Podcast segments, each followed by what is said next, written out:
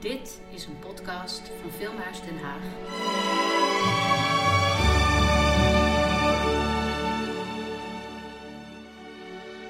Mijn naam is John de Jong.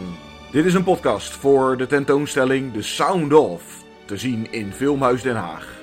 Ik spreek met Sunil Somer over zijn platenzaak en de populariteit van Bollywoodmuziek wereldwijd.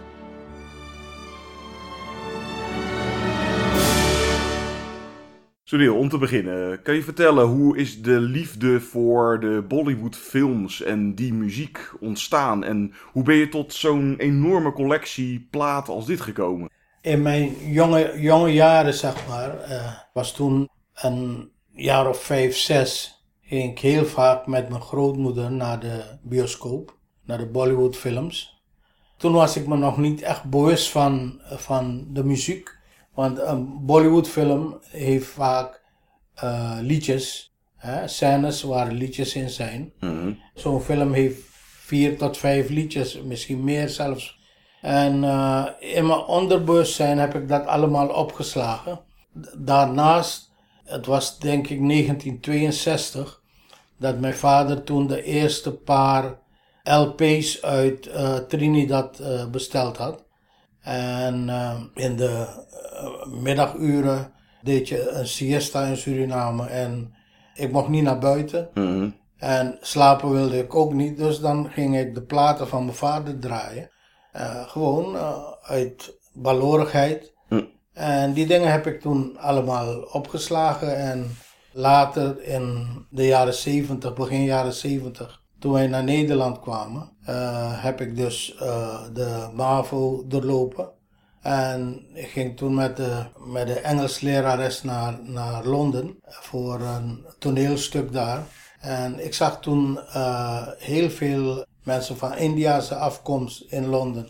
En dat maakte me ook nieuwsgierig. Toen ben ik, ben ik zelf op eigen houtje naar de wijk Southall gegaan in, in Londen. Om te kijken waar die mensen woonden en zo.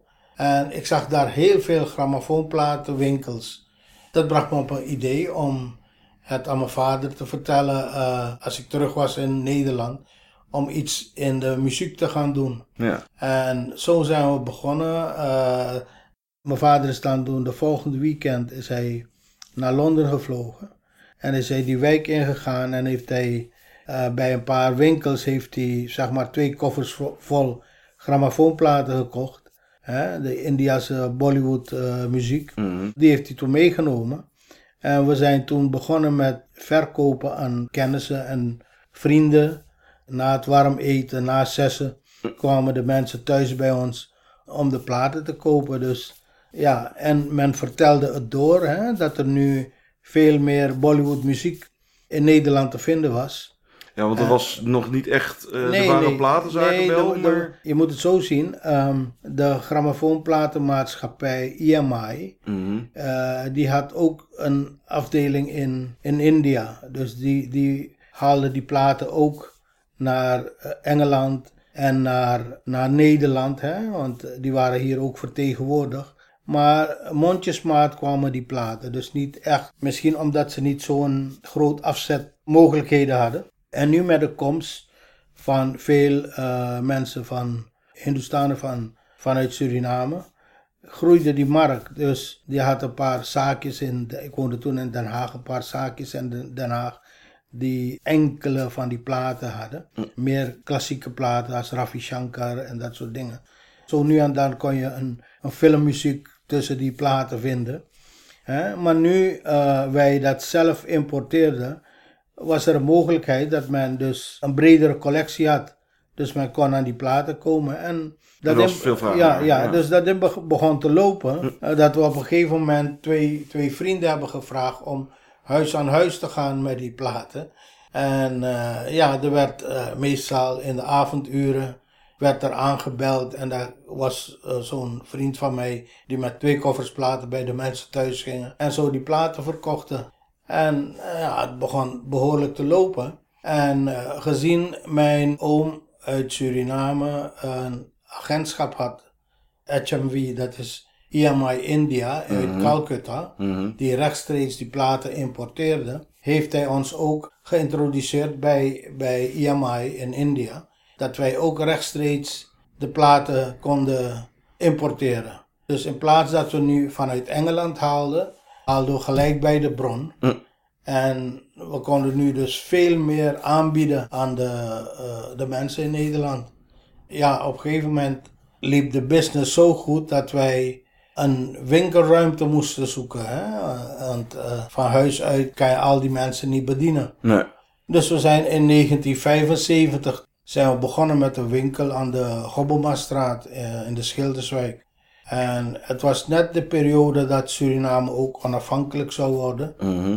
Er kwamen heel veel mensen vanuit eh, Suriname naar Nederland. Hè? Die konden nog hun Nederlanderschap behouden als ze hier naartoe kwamen. En het publiek werd groter en groter en breidde zich uit. Mensen dus die meer naar Bollywood muziek zochten. Het liep heel hard. Men kwam vaak naar Den Haag vanuit andere steden om tropische platen platen te- te, ja. kopen, maar ook eh, tropische producten. Want het het meeste was geconcentreerd in Den Haag. En dan kwamen ze gelijk naar ons toe, hè, naar de Hobbelmastraat, om die platen te kopen. Want mensen voelen zich dan toen toch nog in een vreemd land. Hè. Kijk, als je vanuit Suriname hier en Even Nog wat wennen. ja. dus dan konden ze bij ons eh, gewoon muziek halen. Ja, En er waren heel veel eh, verschillende platen. Want Ja. is er eigenlijk vanaf nou ja, een beetje het begin van de, laten we zeggen, Bollywood filmgeschiedenis, zijn er ook al direct platen van? Of, nou, toen niet helemaal in het begin, je, denk ik. Je moet het zo zien. De Bollywood eh, film is geïntroduceerd nadat het in, in Frankrijk, Amerika, Engeland bekend werd. India die was toen nog een kolonie van Engeland. Mhm. En die hebben het toen ook daar naartoe gebracht. Hè? Dus je had in, in India had je ook in de jaren eh, 30, 40 de stomme films. Hè? En eh, toen is er ergens in de jaren 40, dacht ik, de eerste film met geluid, dus met geluid en muziek, ook gemaakt in India.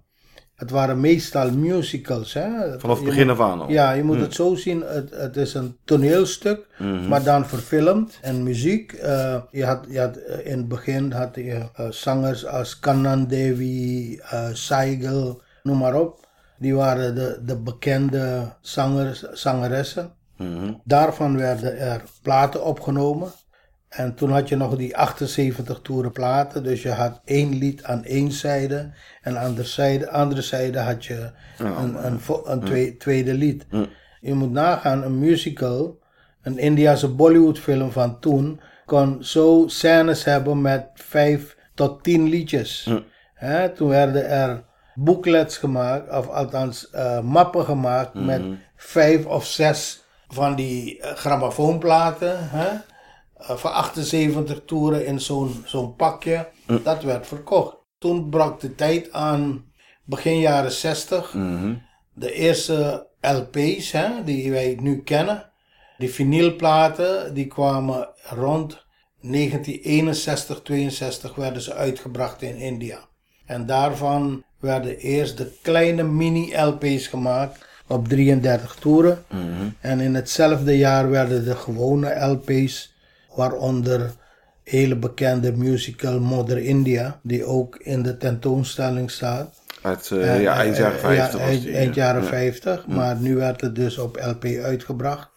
Men raakte bekend met de LP's en ieder wilde muziek, hè? want in India ja, is een land die was net onafhankelijk en men kon het zich permitteren. Langzaam werden de mensen, ja, hadden toch iets meer mogelijkheden, dus er worden, werden veel platen verkocht. Mm. En op een gegeven moment werd het dus ook geëxporteerd naar de gemeenschappen, Indiase gemeenschappen in, Buiten. in het gemene ja. best, dus Ja. naar, naar buitenland.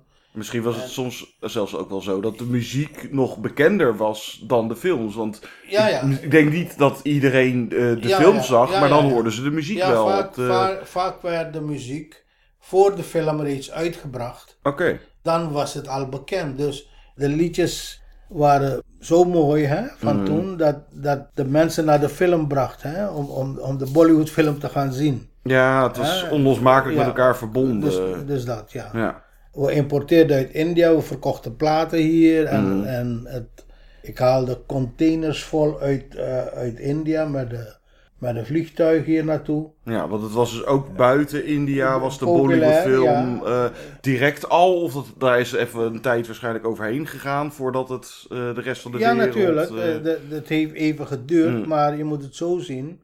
De Engelsen van toen, die hebben de Indiërs overal meegenomen naar hun, hun gebieden. Ja. Hè?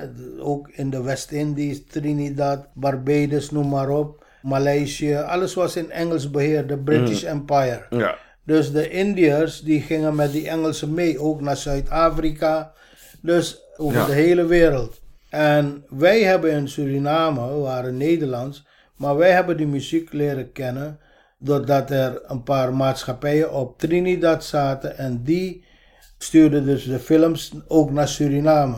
En eh, de platen kwamen in het begin ook vanuit Trinidad. En een oom van mij, eh, die had een platenzaak, radiostation, noem maar op. En die ging toen de platen rechtstreeks importeren. En daar raakte het brede publiek, zeg maar, bekend mee. Ook omdat je dus radiostations had in Suriname die India's muziek gingen draaien. En in Nederland had je ook eh, in de jaren 70 een paar piratenzenders, hè, radiostations die niet officieel waren, maar die draaiden dus wel muziek. Hè. Ze kwamen de platen bij ons halen en eh, je had grote blockbusters films met goede muziek, waaronder Sholay, Kurbani, dat waren echt grote, Shan. En die waren ook wereldwijd Ja, populair. Ja, En- Muqaddar Kasikander onder andere. En dit liep door tot eh, de jaren, half jaren negentig, want toen deed de CD eh, de, de intrede. Men stapte over, nadat men de hardware gekocht had, over naar de CD's. Mhm. Het was een periode dat het dan minder ging met de platen. Ook vanwege omstandigheden ben ik toen in 1995 officieel gestopt met mijn zaak in de Hobbelmastraat. En ik ben toen een jaartje of twee eruit geweest. Maar na twee jaar heb ik het weer opgepakt. Ben ik dus eh, groothandel begonnen in de CD's. En dat heb ik doorgedaan eh, gedaan tot eh, 2014 ben ik officieel gestopt met mijn bedrijf. Ja, toen waren de Ja, cd's niet ja, meer populair. ja, en nu zijn juist weer de vraag naar de LP's. naar- naar de weer, LP's. Ja. En in de coronatijd ben ik begonnen met een paar vrienden platen eh, te verzamelen. Hè, dat doen we met een vriendenclub. Hè, en dan ruilen we die grammofoonplaten Onderling. Onderling. En, ja. Hm. Maar dat is wel weer vraag nu Ja, dat is wel naar... vraag. eh, ja, het, eh, En om het een beetje eh, ja, bekender te maken door, bij, bij een ieder, hè, mhm. is nou deze tentoonstelling in het filmhuis. Dat men de hoesen kan zien en dat er toch veel Indiase vinyl eh, verkocht is in Nederland. Hm. En die hoezen, dat stonden denk ik meestal eh, de sterren uit de, de films. sterren stonden- uit de films, ja. En hele mooie artwork op, de, op de covers, op de hoesen. Mhm. En dat trekt, ja, is ook een verkooppolicy. Dat trekt de mensen ook aan om, om dan gauw een plaat te kopen. Hè. Vaak eh, hoor je de liedjes achteraf, maar dan pakt men zo'n plaatje eerder op. Hè. En de selectie is alleen eh, Bollywood, want je hebt daarnaast natuurlijk ook Tollywood en Bollywood. Ja, ja, en, dus eh, kijk, in die periode van de onafhankelijkheid van India in 1947 had je dus ook Pakistan, hè, die onafhankelijk werd. ja. En die hadden ook hun eigen genre, hun Urdu, hun Lollywood-industrie. Hm. waar ze ook films maakten. En hun muziek was ietsje anders, zeg maar. Je kan het wel met elkaar vergelijken, maar het is toch een beetje anders. En dan had je dus bij Pakistan had je twee invloeden. Want je had West- en Oost-Pakistan. Eh, Oost-Pakistan werd later Bangladesh. Hm. En die hebben dus dan een ander genre. Ja, die maakte niet zoveel met liedjes in nee, de film. niet zoveel, Nee. maar het was ook mooi om te horen dat, eh, dat ze toch ook een eigen industrie hadden. Hè? Maar goed, eh, Pakistan werd bekend onder Lollywood. En zoals je weet, eh, India, die is een, een land eh, net als de Verenigde Staten, met een heleboel staten. En die staten hebben ook hun eigen cultuur, zeg maar. En die hebben een eigen soort muziek. Onder andere Tamil, Maharashtra, noem maar op. Ja. Dat soort muziek. Telugu. Ja, eh, Telugu, ja. ja. En die maken dus weer een apart soort muziek. Ja, Ja. het klinkt net algemeen India's, maar Mm. Maar worden die, eh, de liedjes eh, van eh, die films, worden die dan bijvoorbeeld... want de films worden dan vaak in de verschillende talen Talen gedubt. En, en de liedjes dan ook voor op de plaat in de verschillende in de talen? verschillende talen. Oké, ja, je hebt Punjabi, je hebt Telugu, je hebt Tamil. Hm. ga, ga zo maar door. Oké, maar Ja. de selectie voor nu Ja. in het filmhuis, dat is Bollywood. Is Dat- Bollywood. Dat is ja, ja, dat is, daarmee is India naar buiten getreden. Dus de Bollywood is eh, bekend all over the world. Mm. Meer om zijn muziek en de dansscènes hè, eh, in, in de films. Tegenwoordig kan je zelf op de Nederlandse tv bij een reclame kan je zo'n Bollywood scene eh, vinden met een liedje. Het blijft nou, toch populair door de jaren ja, heen. Het wordt populairder en populairder. Sunil, bedankt voor je verhaal. Ja, Gra- bij graag deze- gedaan. Dit was een podcast van Filmhuis Den Haag voor de tentoonstelling The Sound of Cinema. De intromuziek is afkomstig uit de film Lawrence of Arabia, gecomponeerd door Maurice Jarre. Wil je meer weten over filmmuziek? Luister dan ook naar de andere afleveringen van deze podcastreeks. Via filmhuisdenhaag.nl of in je podcast-apps. Je bent natuurlijk ook van harte welkom in Filmhuis Den Haag om daar een film of de tentoonstelling The Sound of Cinema te bekijken. Deze podcast is gemaakt door mijzelf, John de Jong, verantwoordelijk voor interview en montage. Aan deze podcast werkten mee Leender de Jong, Josien Buis en Geke Roelink.